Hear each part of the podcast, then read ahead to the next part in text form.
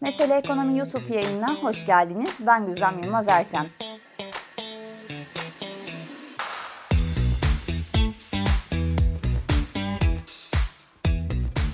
Bu hafta aslında çok sıcak bir gündem olan seçim öncesi yabancı yatırımcıların raporlarını, senaryolarını konuşmaya devam edeceğiz. Sizler için JP Morgan'ın raporundaki önemli notları analiz edeceğiz, aktaracağız. Fakat isterseniz gelin e, JP Morgan'ın Türkiye piyasalarına, dövize, hisse piyasalarına ilişkin yorumlarına gelmeden Nisan ayı enflasyon rakamlarını analiz ederek başlayalım. Neden mi? Çünkü JP Morgan'ın da çoğu yabancı kurum gibi e, ana senaryosu Türkiye'nin seçimden sonra para politikası duruşunun ve diğer politika setlerinin ne kadar ortodoks olup olmayacağına göre şekillenmiş. Yani diyorlar ki gerçekten ortodoks politikalara dönerse ne demek de ortodoks hatırlatalım.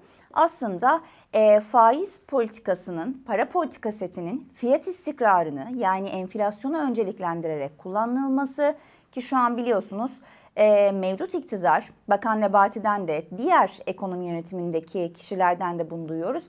Merkez Bankası kararları artık hiç de önemli değil diyorlar.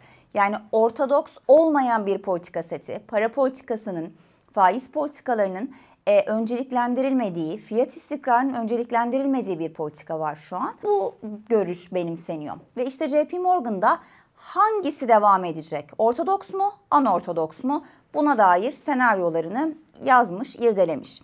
Şimdi bizim bu tartışmayı anlamamız için öncelikle Türkiye'deki enflasyon dinamiklerini ve daha da önemlisi enflasyon beklentilerini analiz etmemiz gerekiyor. Çünkü eğer Türkiye her kim seçilirse seçilsin ortodoks politikalara dönecekse de bu politikaların ne kadar ılımlı ya da ne kadar sert olacağını az önce de belirttiğimiz gibi fiyat istikrarı yani enflasyonun seyri belirleyecek. İşte Nisan rakamları bize neler söylüyor gelin bakalım.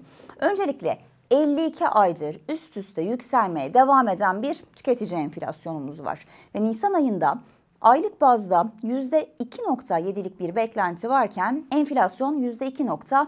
40 olarak açıklandı. Yıllık enflasyon ise yüzde 44 olarak açıklandı Nisan ayına dair. Eminim şu an e, bizi izlerken şunu zikrediyorsunuz kendi kendinize. Kim inanır yüzde 44 enflasyona? Benim sepetim çok daha fazla arttı. İşte burada belki bu hissedilen enflasyonu analiz etmek için üretici enflasyonlarına biraz daha yakından bakmamız gerekir. Nisan ayına dair üretici enflasyonu da yıllık bazda %52'lik bir artış kaydetmiş. Ne diyor bize bu rakamlar? Aslında %85,5'luk bir zirve enflasyonumuz vardı. TÜFE rakamımız vardı geçen sene hatırlayın. 85,5'tan kademe kademe e, şu anki TÜİ'nin açıkladığı verilere göre diye altını çizelim. Böyle kalın bir kalemle çizelim altını. 85,5'luk zirveden 44'lere kadar enflasyon gelmiş. Şimdi diyeceksiniz ki zaten e, hükümette e, Merkez Bankası Başkanı da işte Kavcıoğlu da Nebati de sürekli ne diyor? Biz faizleri düşürdük. Enflasyon da düşecek. Şimdi 85,5'tan e, 44'e geldiyse enflasyon zirveden demek ki aslında mevcut iktidar haklı. Enflasyon düşmeye başladı. Ama hatırlayalım bu politikalar başlamadan önce yani ortodoks olmayan politikalar başlamadan önce neredeydik? Şöyle geriye dönün, hafızalarınızı bir tazeleyin. Ağbaloğlu, Naci Ağbal'ın Merkez Bankası Başkanı olduğu dönem enflasyon tek hanelere kadar inmişti. Görevden alındığı sırada ise Mart 2021 e, senesiydi.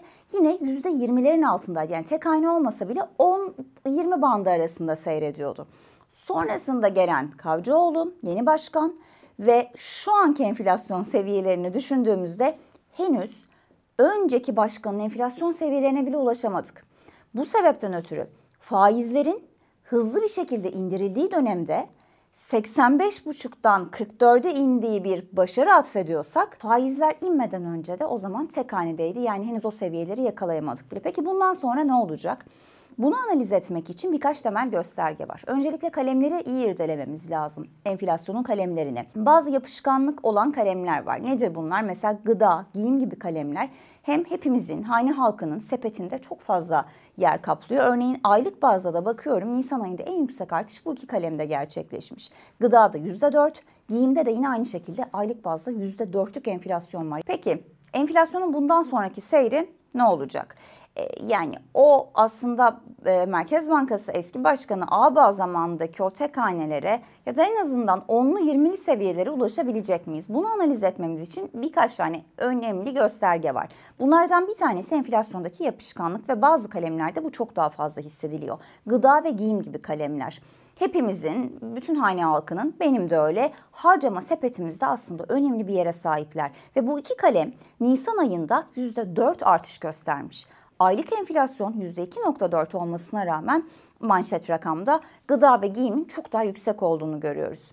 Bakalım yıllık tarafta nasıl rakamlar var? Orada da aynı şekilde %54 gıda enflasyonu Nisan ayında artış yaşamış. Halbuki manşet 44'tü. Dolayısıyla hem aylık hem yıllık bazda özellikle gıda, lokanta oteller, giyim gibi kalemler enflasyonu yukarı çekmeye yani bizim sepetimizde önemli yer tutan bu kalemler yüksek kalmaya devam ediyor. İkinci konu ise ki bu kalemler bu arada kurdan da etkileniyor. O yüzden bundan sonraki süreçte döviz piyasasında yaşanabilecek oynaklık, kurdaki beklentilerin 25'li hatta daha yüksek seviyeleri göstermesi bize enflasyondaki patikanın aşağı yönlü seyrinin çok da sert düşüşe işaret etmeyebileceğine dair gösterge. Devam edelim diğer göstergeye.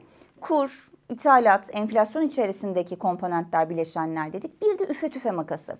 İşte ekonomistler bu makasa çok önem atfediyor. Haklılar da. Çünkü üreticinin maliyeti arttığı zaman tüketici enflasyonda bunun hemen yansımasını görüyoruz. Orada haberler biraz daha iyi. Üretici fiyatlarıyla tüketici fiyatları arasındaki makas 8.4 puana kadar geldi. Yani nihayet 10 puanın altına geldi ve kabaca son 2 senenin en düşük seviyelerinde diyebiliriz. Üretici tüketici fiyatları makası için. Şimdi bundan sonraki süreçte piyasadaki beklentiler biraz ayrışıyor.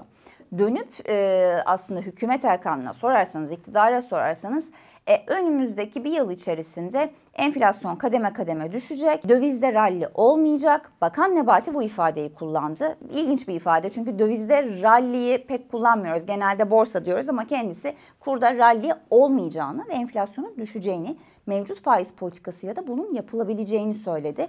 O taraftaki beklentiler e, önümüzdeki bir yıl içerisinde Merkez Bankası'nın beklenti anketinde de 25-30'lu seviyeleri işaret ediyor. Dönüp Millet İttifakı tarafındaki ekonomi söylemlerine baktığımızda oradaki aslında genel beklenti ise yine bir yıl içerisinde enflasyonun aslında 25 ile 30'lu seviyelere gelebileceği. Yani her iki tarafta Cumhur İttifakı da Millet İttifakı da enflasyon beklentisini aynı zikrediyor, aynı rakamı söylüyor. Peki nasıl olacak bu? Şimdi bir taraf faizleri arttırarak ve ortodoks politikaya dönerek enflasyonu düşüreceğini söylüyor. Öbür taraf ise mevcut faiz politikasını sürdürerek de aslında e, enflasyonda 25'li seviyelere gelebiliriz diyor. Bunun mümkün olmayacağını söylüyor yabancı kurumlar. JP Morgan da demiş ki eğer sert bir şekilde ortodoks politikalara dönülürse bu da ne demek? Aslında Türkiye'nin gerçek anlamda pozitif reel faiz vermesi demek. Yani eğer siz önümüzdeki bir yıl içinde enflasyonu 25-30 bandında bekliyorsanız politika faizinizin de %30'un üzerine çıkarmanız gerekiyor ki sert ortodoks politikadan bahsedelim. Yani faiz artışlarının sert olup olmadığını reel faizin yani enflasyonun ne kadar üzerinde faiz verdiğinizle ilintili. Öbür taraftan baktığımızda yani Cumhur İttifakı'nın bu politikaları devam ederse ki senaryolarda buna hiç değinilmiyor. ılımlı ortodoks ve sert keskin ortodoks denilmiş. E, nitekim mevcut iktidarın devam ettiği süreçte de aslında her ne kadar şu an Bakan Nebati ve Başkan Kavcıoğlu bu mesajı vermese de olası senaryolar içerisinde Mehmet Şimşek'in gelmesi Cumhur İttifakı tarafında da Mayıs sonrasında yavaş yavaş Ortodoks'a dönme ihtiyacını tetikleyecek. Yani onlar da faiz arttırmak zorunda kalacak. Aynı Millet İttifakı gibi şeklinde beklentiler var. Ama JP Morgan bu faiz artışını yani Cumhur İttifakı'nın devamındaki faiz artışını ılımlı ortodoks olarak görmeyi tercih etmiş ve senaryolarında da eğer yeterince faiz artışı olmazsa MSCI Türkiye Endeksinin dolar cinsinden %29 daha %29 daha diyorum çünkü zaten zirveden uzun süredir 5500'lerden geri çekilen bir BIST 100 var 5000'in altına doğru.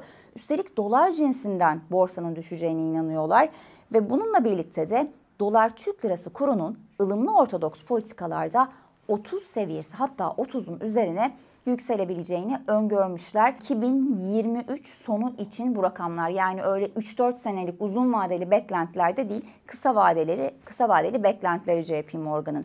Dönelim aksi beklentilere yani sert ortodoksa dönüş, güçlü bir ortodoksa dönüş ki Millet İttifakı'ndan da şu an tam olarak beklenilen bu. İşte bu senaryoda da MSCI Türkiye Endeksinin dolar cinsinden %74 değer kazanmasını bekliyorlar.